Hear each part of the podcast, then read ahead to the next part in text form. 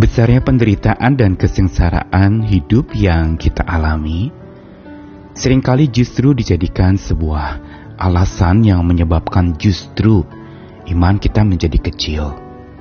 Keyakinan kita menjadi begitu lemah. Padahal sebenarnya besarnya iman kita justru diuji di masa besarnya penderitaan dan kesengsaraan yang kita alami. Itulah ujian yang memang Tuhan kerjakan untuk setiap kita.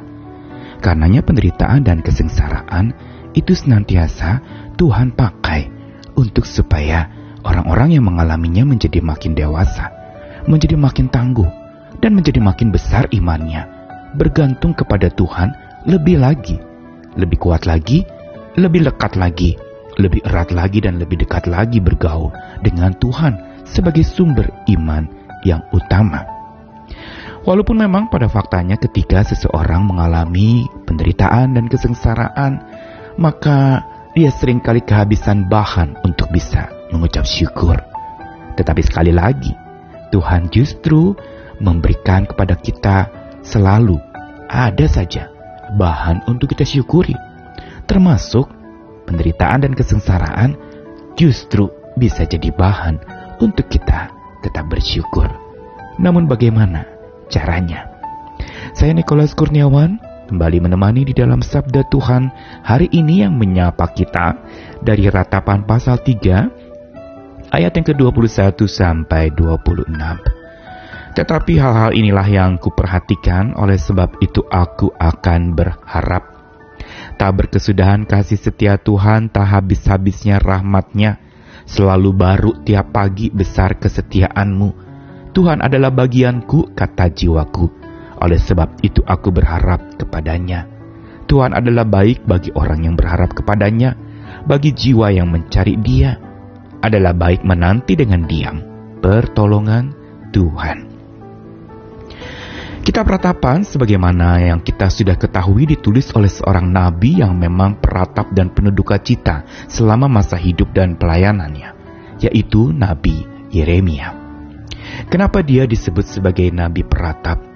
Karena dialah saksi dari sebuah kesengsaraan dan penderitaan yang dialami oleh umat Tuhan. Yang pada waktu itu mengalami gelapnya hidup yang begitu pekat, mengalami pukulan yang berulang-ulang, dan mengalami berbagai macam kondisi-kondisi yang penuh dengan kesedihan dan kesusahan. Masa gelap dan kelam itu seperti perintang jalan orang-orang percaya itu untuk datang kepada Tuhan. Dan jalan mereka seolah dibelokkan. Mereka merasa tercabik-cabik. Dan terus mereka menjadi bahan ejekan dari orang-orang yang menganggap Tuhan dari orang-orang percaya itu tidak bertindak apa-apa. Karena itu di dalam ratapan pasal 3, kalau kita perhatikan, kalau tadi dibacakan ayat 21, tetapi ayat 1 sampai 20, itu isinya adalah penuh dengan berbagai macam ungkapan-ungkapan penderitaan dan kesengsaraan. Yeremia memahami dan bahkan dia mengakui bahwa dialah saksi dari penderitaan itu sehingga dia juga ikut merasakan betapa sengsaranya. Sampai dia berdoa kepada Tuhan, dia mengatakan, ingatlah akan sengsaraku dan pengembaraanku, akan ibu dan racun itu. Jiwaku selalu teringat dan tertekan di dalam diriku. Apa yang Yeremia katakan ini merupakan sebuah realita yang memang sering kali kita hadapi yaitu penderitaan dan kesengsaraan yang memang tidak pernah bisa kita pungkiri ada dalam hidup kita. Namun yang menarik adalah justru separuh dari Ratapan pasal 3 ayat 1 sampai 20. Setelah ungkapan itu dikatakan kepada Tuhan, maka kita lihat justru ada sebuah emosi atau perasaan yang berubah mulai dari ayat 21.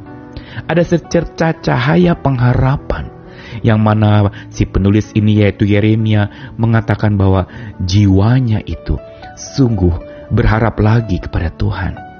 Kenapa? Karena justru di sinilah dia melihat ketika Yeremia merasa bahwa tidak ada lagi bahan untuk bisa dia syukuri saking begitu beratnya kehidupannya. Tapi di ayat 21 dia katakan, inilah yang kuperhatikan. Dan karena itu aku berharap.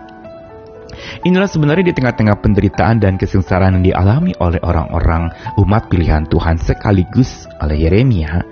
Justru pada saat itulah sebenarnya iman mereka di tengah-tengah himpitan yang besar menindih mereka. Iman mereka sebenarnya sedang diubah oleh Tuhan menjadi tambah besar. Inilah sebenarnya ujian yang memang patut kita alami. Besarnya masalah harusnya tidak memperkecil iman kita. Tapi besarnya masalah justru membuat makin besarlah iman kita bergantung kepada Tuhan. Dan itulah yang menjadi dasar di mana Yeremia mengatakan bahwa aku perhatikan ini satu hal yang aku perhatikan dan itulah yang menyebabkan aku masih bisa berharap kepada Tuhan. Yaitu apa? Ayat 22 sampai 23. Ayat yang sudah begitu terkenal yang kita sudah sering dengarkan. Tak berkesudahan kasih setia Tuhan. Tak habis-habisnya rahmatnya. Selalu baru tiap pagi besar kesetiaanmu ayat 22 dan selanjutnya sebenarnya ini merupakan satu iman yang tadinya mulai luntur menjadi kecil dan ciut karena kondisi yang penuh dengan takut dalam hidup menjadi mulai mengembang lagi, bertumbuh lagi. Dengan satu pengharapan bahwa memang kasih setia Tuhan tak berkesudahan, rahmatnya tak pernah habis Inilah garis bawah dari kekuatan iman kita bahwa sesungguhnya Tuhan tidak pernah kehabisan akal. Tuhan tidak pernah kehabisan cara. Tuhan tidak pernah kehabisan bagaimana dia menolong kita. Selalu ada saja. Tidak pernah kehabisan ide dan gagasan. Bahkan lewat penderitaan pun dia masih bertindak menolong kita. Cara Tuhan menolong kita unik dan justru cara Tuhan menolong kita itu sangat mendidik dan membuat mata kita menjadi jelik.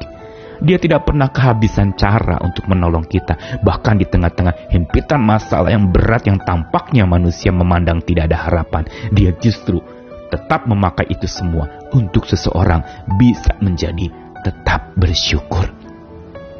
Tuhan tidak pernah kehabisan bahan untuk menolong dan menguatkan kita. Sama seperti Tuhan tidak pernah kehabisan bahan untuk menolong dan menguatkan orang-orang Israel waktu itu yang sedang menderita. Tuhan punya cara, bahkan lewat penderitaan itu, dia pakai cara itu untuk menjadi anak tangga seseorang naik menuju kedewasaan dan kebesaran iman mereka. Dan di sinilah kita lihat betapa luar biasanya Tuhan kita. Sehingga karena Tuhan tidak pernah kehabisan bahan untuk menolong dan menguatkan kita, kita juga tidak akan pernah kehabisan bahan untuk bersyukur kepadanya. Karena itu saat di mana kita ditimpa kesusahan, jangan buru-buru marah dan menganggap kesusahan itu adalah hukuman, atau jangan juga buru-buru minta kepada Tuhan untuk kesusahan itu kita ingin lewat atau pergi dari hidup kita. Tetapi lihatlah bisa jadi justru kesusahan itu menjadi bahan untuk ucapan syukur kita terlantun kepada Tuhan. Tuhan lagi uji kita di masa tekanan yang berat, masa penderitaan dan kesengsaraan. Dia tidak pernah kehabisan bahan menolong dan menguatkan kita. Sehingga kita juga tidak pernah kehabisan bahan untuk bersyukur kepadanya. Dia selalu membahani, dia selalu menyediakan segala hal yang menyebabkan kita tak henti-hentinya bersyukur. Karena tak henti-hentinya dia tetap mencurahkan rahmatnya. Selalu baru tiap pagi. Tuhan adalah bagian kita. Dan dia selalu baik bagi orang yang berharap kepadanya.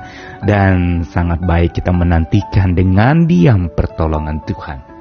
Mari terus syukuri akan Tuhan kita yang tidak pernah kehabisan bahan untuk menolong kita.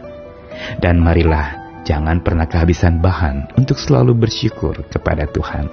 Selamat bersyukur, selamat bersyukur, dan selamat bersyukur. Amin.